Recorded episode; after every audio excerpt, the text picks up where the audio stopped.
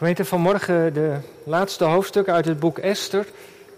Ik hoop dat jij, dat u uw Bijbel bij u heeft of anders een mobiel. We lezen wat losse gedeeltes, maar ja, die hoofdstukken hebben alles met elkaar te maken. En omdat volgende week de Leiderstijd begint, dacht ik dat het goed was om vanmorgen in ieder geval voor het laatste preken uit dit boek. We lezen uit hoofdstuk 7 een paar versen, hoofdstuk 8, hoofdstuk 9. We gaan eerst naar hoofdstuk 7, het vierde vers. Esther is voor de tweede keer bij de koning en Haman zit ook aan de tafel. En dan gebeurt het natuurlijk waarom het was begonnen.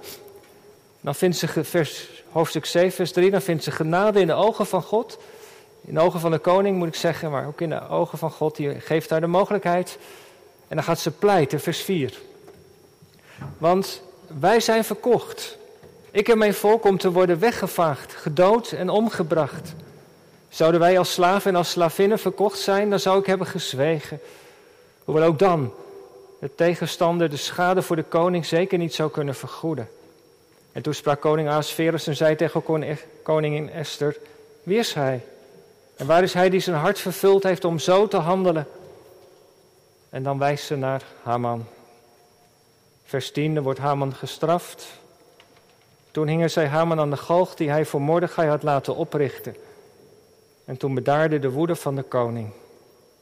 Hoofdstuk 8, vers 1. Op diezelfde dag gaf koning Ahasverus aan koning Esther het huis van Haman, de tegenstander van de Joden.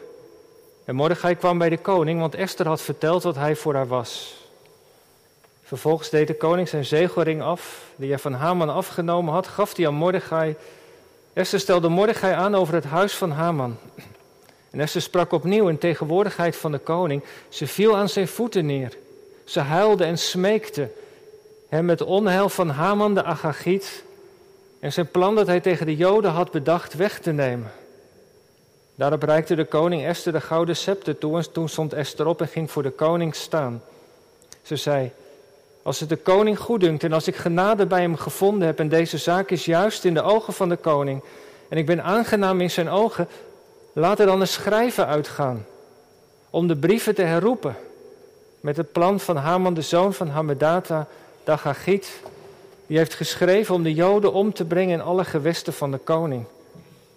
Want hoe zal ik in staat zijn het onheil aan te zien dat mijn volk zal treffen? Hoe zal ik in staat zijn het verderf van mijn familie aan te zien? En dan blijkt dat de koning um, dat moeilijk is. Een wet van mede en pers is uitgegeven, dat kan hij niet herroepen. Maar dan komt er in de van Mordechai om dan nog een soort tweede brief te schrijven. Vers 10. Men schreef in de naam van de koning Ahasveros die brief en verzegelde het met de zegelring van de koning. Men verzond de brieven door middel van eilboden te paard, die op snelle koninklijke paarden reden, gefokt met merries. In de brieven stond: dat de koning de Joden in elke stad toestond zich te verzamelen en op te komen voor hun leven. En iedere macht die in het nauw zou brengen, uit welk volk of gewest ook weg te vagen, te doden, om te brengen, met kleine kinderen en vrouwen in hun bezit te plunderen. En dan lezen we een stukje verder. Als dan dat bericht daar komt, vers 17. In elk gewest, in elke stad waar het woord van de koning en zijn wet was aangekomen, was er bij de Joden blijdschap en vreugde. ze mochten zich verdedigen. En er waren maaltijden en vrolijke dagen. En vele uit de volken van het land werden Jood, omdat angst of schrik voor de Joden op hen was gevallen. Hoofdstuk 9, een paar versen nog. Vers 1. In de twaalfde maand, dat is de maand Adar, op de dertiende dag ervan, toen het moment gekomen was om het woord van de koning en zijn wet uit te voeren, op de dag waarop de vijanden van de Joden hoopten hen in hun macht te krijgen, gebeurde het omgekeerde. Want de Joden zelf kregen hun haters in hun macht. De Joden verzamelden zich in de steden in alle gewesten van koning Ahasveros om de hand te slaan aan hen die onheil zochten. Niemand was tegen hen bestand, want angst voor hen was op alle volken gevallen. En dan vers 5. En de Joden sloegen met het zwaard op al hun vijanden in. Ze zaaiden dood en verderf en deden dat met hun haters naar hun goeddunken. In de burg Susan brachten de Joden 500 man, de Joden 500 man gedood en omgebracht. En dan vers 16. En de rest van de Joden die in de gewesten van de koning waren verzameld, verzamelden zich om pal te staan voor hun leven. En ze kregen rust van hun vijanden. En ze doden onder hun haters 75.000 man. Maar ze staken de hand niet uit naar de buit. Vers 18. En de Joden die in Susan waren, verzamelden zich op de dertiende, veertiende van de maand. Ze rustten op de vijftiende ervan en maakten die dag tot een dag van maaltijden en blijdschap. En daarom maken de Joden van het platteland, die niet ommuurde steden wonen, de veertiende dag van de maand Adar tot een dag van blijdschap en maaltijden. Een vrolijke dag. En een dag om elkaar geschenken te sturen. En dan tenslotte vers 26 en 27 nog. En als ze dan dat feest hebben gevierd, dan staat er nog, daarom noemde men die dagen Purim, vanwege de naam Pur, Pur. Daarom, vanwege al de woorden van deze brief en omdat zij daarvan zelf gezien hadden en wat hen overkomen was, stelden de Joden vast, namen het als een verplichting op zich voor zichzelf en voor hun nageslacht, voor allen die zich bij hen zouden aansluiten, dat ze nooit het vieren van deze twee dagen zouden overslaan, volgens het voorschrift daarover en op de vastgestelde tijd ieder jaar. Dan zouden ze het Purimfeest vieren. Tot zover de lezing uit het boek Esther. U merkt het, deze hoofdstukken zijn vol strijd en geweld. En ja, daar gaat het in de preek natuurlijk over. Maar het thema van de verkondiging wil denk ik al iets zeggen hoe we deze hoofdstukken moeten lezen. Is een woord van, van de Heer Jezus. Hè? Vergeet, vergeld geen kwaad met kwaad. Vandaag dus in ieder geval de laatste preek over het boek Esther. laatste hoofdstuk is een van de meest moeilijke preken voor mij om te maken, moet ik u eerlijk zeggen. Want dit Bijbelgedeelte is ook niet zo heel eenvoudig als je nadenkt over de betekenis voor vandaag. Maar met de hulp van de Heere God gaan we het vanmorgen doen. Vergeld geen kwaad met kwaad. Het thema voor de verkondiging. Broeders en zusters, gemeente van de Jezus Christus, u hier in de kerk en thuis. We gaan even terug in de tijd. Het is 9 mei 1945. Een paar dagen na de bevrijding van ons land. De nieuwe kerk in Amsterdam zit afgeladen vol met mensen. De voorganger in die dienst is dokter Miskotte.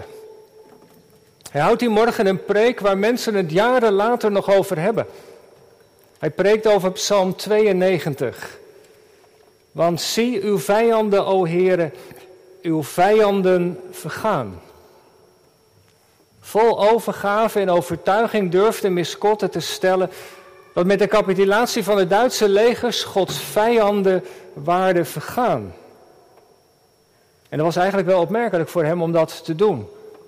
Want als er iemand voorzichtig was om een is gelijkteken te zetten tussen een gebeurtenis in de geschiedenis en de wil van God, dan was het Miskotte wel.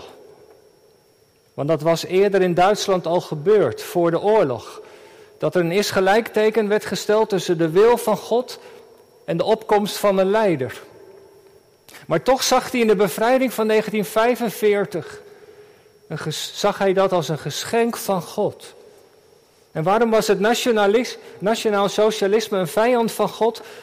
Omdat ze het Joodse volk wilden uitroeien, vernietigen. En de haat van, van, van het Duitse volk, de haat van Hitler en zijn consorten tegen de Joden was niets minder dan een aanval van Satan. En daarom durfde Miskotte met grote stelligheid te zeggen: Gods vijanden vergaan. En wie de oorlog aan de lijf heeft meegemaakt, wie familieleden heeft verloren, zal denk ik niet veel moeite hebben om zich met de strekking van de preek, om het daarmee eens te zijn en ermee in te stemmen. Maar nu, vele jaren later, is de situatie wel anders geworden. Dominee, waarom zingen we van die ingewikkelde psalmen over strijd en zo? Dat wij zij denken wordt er toch alleen maar door gevoed. We hebben moeite met die gewelddadige taal. Uitroeien, vergaan, vernietigen. Taal die we in de, in de Bijbel tegenkomen, met name in de psalmen. En als we ze zingen, dan denken we bij onszelf, moeten ze eigenlijk wel zingen? Het stuit, ik weet niet hoe dat bij u of bij jou is, dat stuit soms tegen je borst. En veel mensen vandaag hebben daar moeite mee. Wij misschien ook wel, mensen die niet geloven, wijzen de Bijbel het geloof af, juist vanwege dat geweld in het Oude Testament. Waarin dat wordt beschreven, soms door God geboden, verheerlijkt. De Belgische schrijver Dimitri Verhulst heeft een hervertelling gemaakt van het Oude Testament. In dat boek, dat noemde hij bloedboek. En ook breder vandaag merk je dat. Als radicale moslims zich beroepen op teksten van de Koran ter verdediging van het geweld, dat, dat heeft ons uitermate terughoudend gemaakt. Religie, geweld, geweld, heilige teksten, lastige combinatie. En gemeente, vanmorgen kunnen we niet om deze vragen heen. Want hoe prachtig die geschiedenis van Esther ook is, en dat is ze ook in veel opzichten. Over de Heere God die in de stilte aan het werk is. Onzichtbaar aanwezig werkt Hij. Zij trouw aan wat Hij heeft beloofd, beloofd. En op een bijzondere manier zorgt Hij dat die gebeurtenissen samenvallen. En zien we daar iets van zijn leidings- en plan in. Hij houdt dat leven van de Joden daar, van Esther en anderen in zijn hand. Maar het roept ook vragen op. Kijk, we snappen allemaal wel dat in het rijk van koning Ahasveros heel andere wetten gelden dan in de Torah. Dat is wel duidelijk. Berg je maar als vrouw. Denk aan Vasti, de vrouwen van het Haarlem.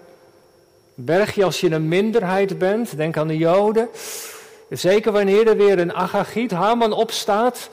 Die een uniform krijgt aangemeten met elke keer meer strepen op zijn schouder.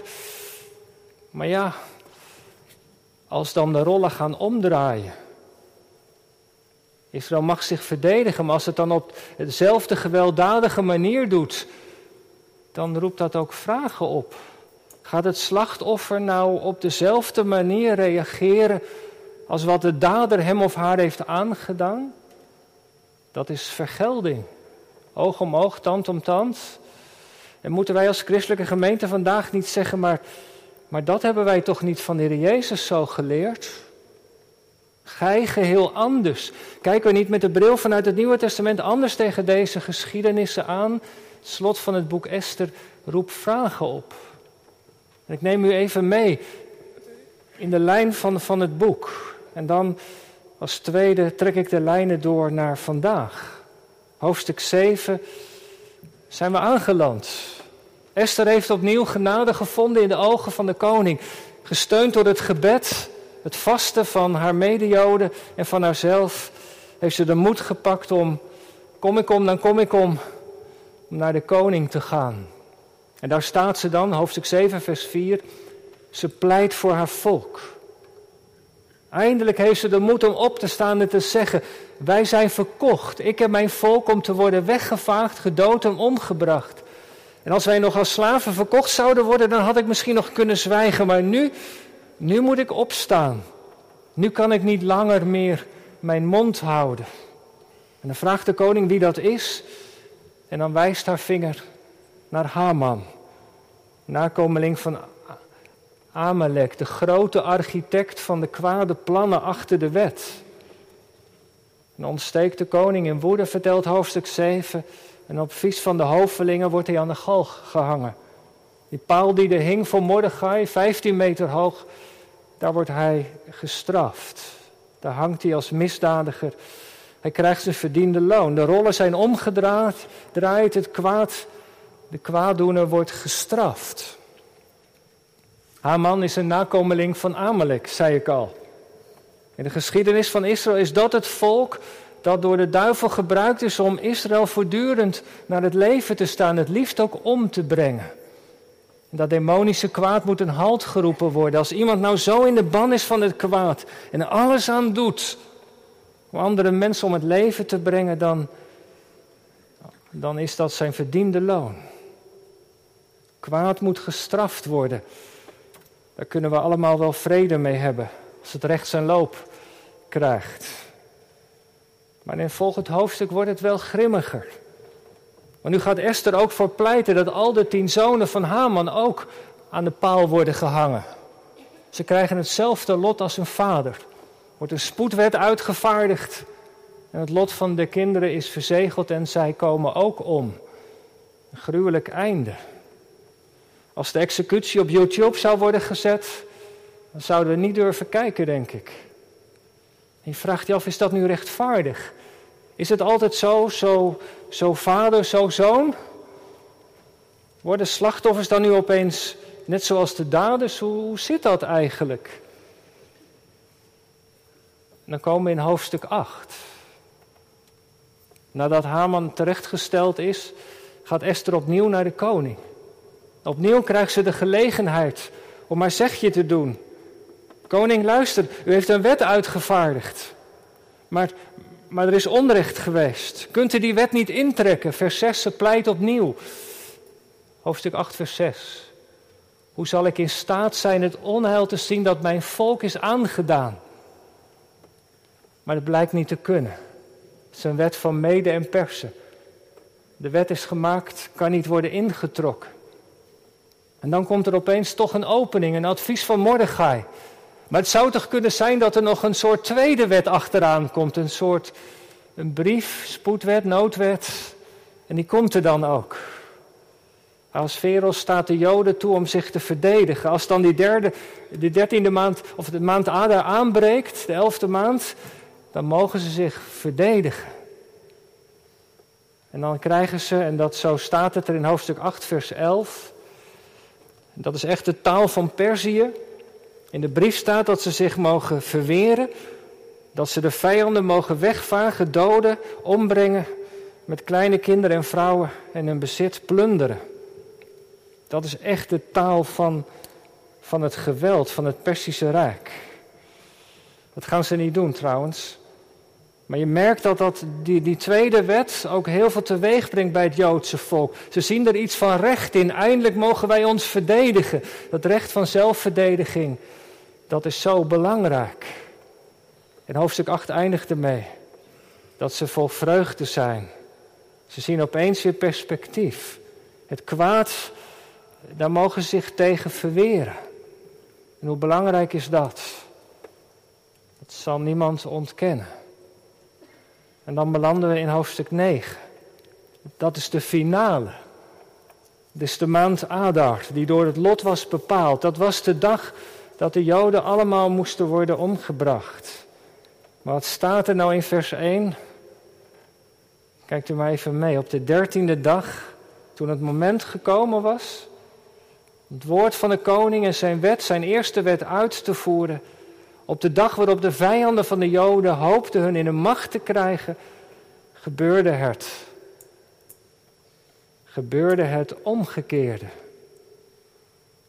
De Joden zelf kregen hun haters in de macht. En zo vertelt het hoofdstuk de ommekeer.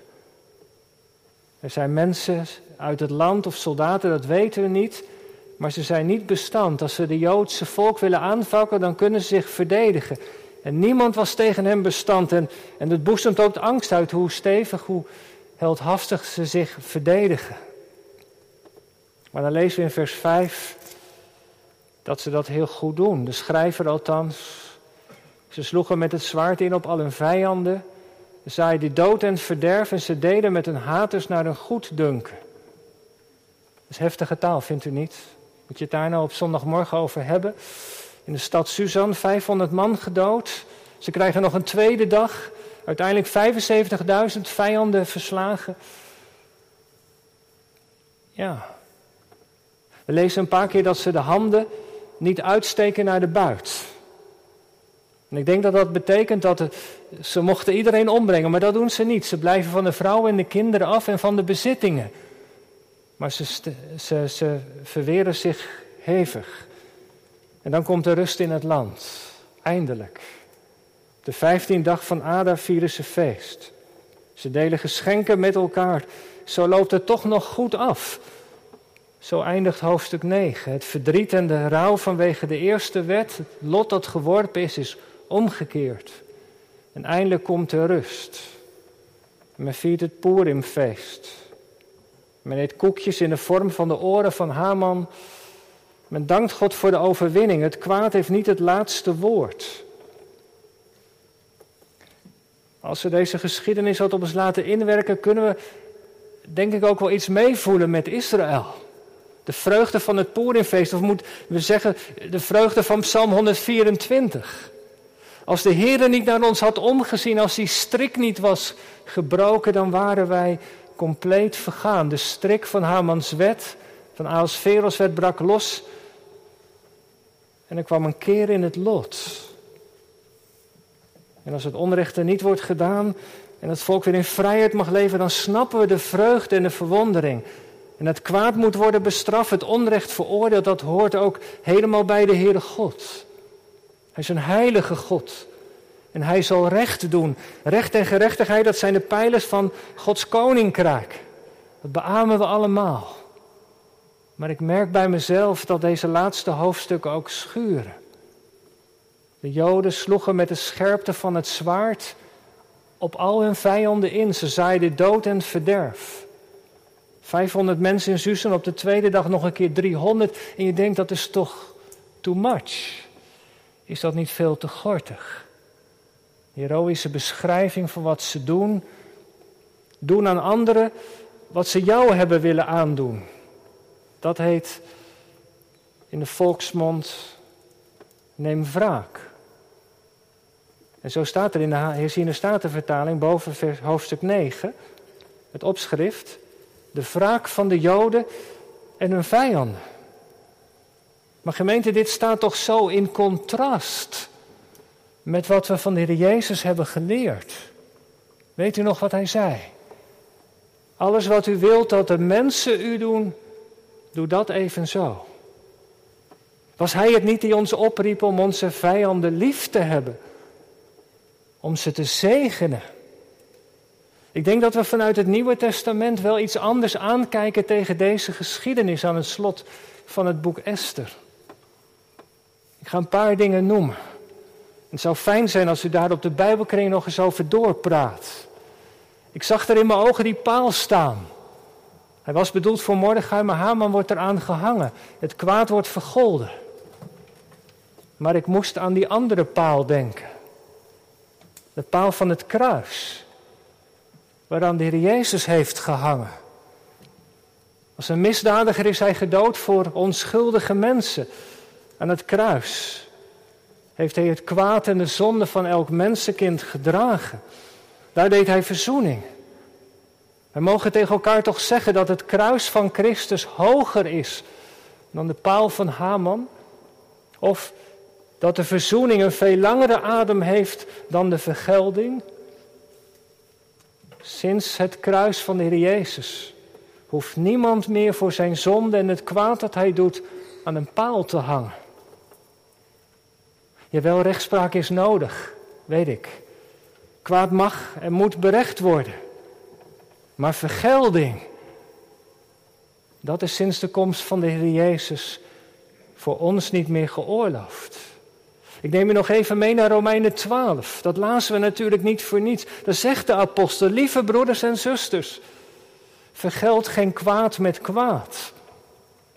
In de persoonlijke sfeer.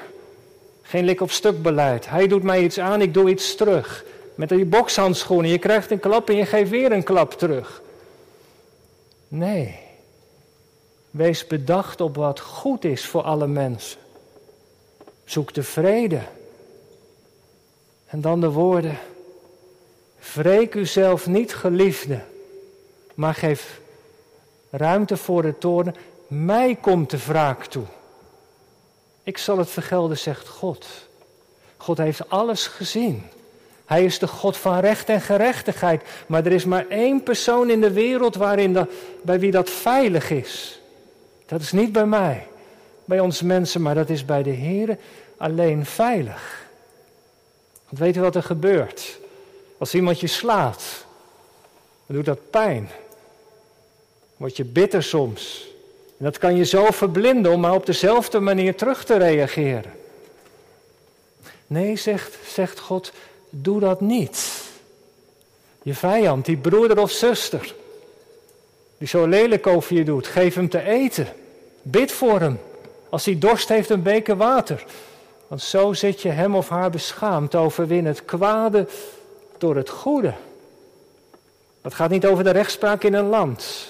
Dat moet gewoon gebeuren. Maar dat gaat over de persoonlijke ethiek van ons als mens, als gelovigen. Dat is de lijn van het evangelie. Daartoe zijn we geroepen. Overwin het kwade. Met een tegenovergestelde houding, met het goede, zegt het evangelie. En daartoe zijn we geroepen. Zeven maal zeventig. Hebben we net met de kinderen gezongen. Is dat moeilijk? Is dat makkelijk? Nee, dat is, dat is moeilijk. Maar het is niet onmogelijk. Met de hulp van Gods geest. En dat lied zegt dat ook. De Heer Jezus is voor mij ook aan het kruis gegaan. Voor mijn kwade zonde die ik doe. Ik mag weten van zijn vergeving, u en jij toch ook. En als je van vergeving leeft, kun je de ander niet meer vergelden. Dan moeten wij het in de handen van God leggen en daar laten. En weten we, er is nog iets. Die paal, ik moest aan het kruis denken, maar er is nog iets. Ik vroeg me af, wat zou nou het verlangen van de Heer zijn voor deze wereld? Ja, dat weten we. Hij verlangt niets liever dan dat mensen de Heer Jezus kennen. En ook dat wij als zijn kinderen geen obstakel vormen, maar een middel in zijn hand om anderen te winnen. Hoe doe je dat dan? Door goed te doen, door te bidden, door te zegenen, door lief te hebben. En weet u, dat is ook gelukkig een lijn in het boek Esther. Slot van, aan het slot van hoofdstuk 8, vers 17 lezen we iets. Dat er allerlei mensen uit de volken zijn die Jood worden. Er is iets wat ze hebben gezien. In het leven van deze Joden. Ze hebben iets van de trouw van God gezien. En zijn daardoor geraakt. Die beweging is er dus ook in het boek. En weet u wat zo mooi is? Ja, moeten we even bladeren naar het allerlaatste vers van dit boek. Ik denk dat het veelzeggend is. Dat gaat over Mordechai. Als dan alles is gebeurd, de verdediging, en er is uiteindelijk rust gekomen in het land, de strijd is ten einde, dan eindigt het boek met Mordechai. Hij heeft een belangrijke positie in het rijk. Wat staat er dan? In vers, vers 3, hoofdstuk 10, staat er dit. Hij, hij stond in hoog aanzien bij de Joden en de menigte van zijn broeders. De uitleggers wijzen erop dat zij gewoon de mensen uit het land, van het land waar ze wonen, die zijn voor hem tot broeders geworden. Is hij welgezind?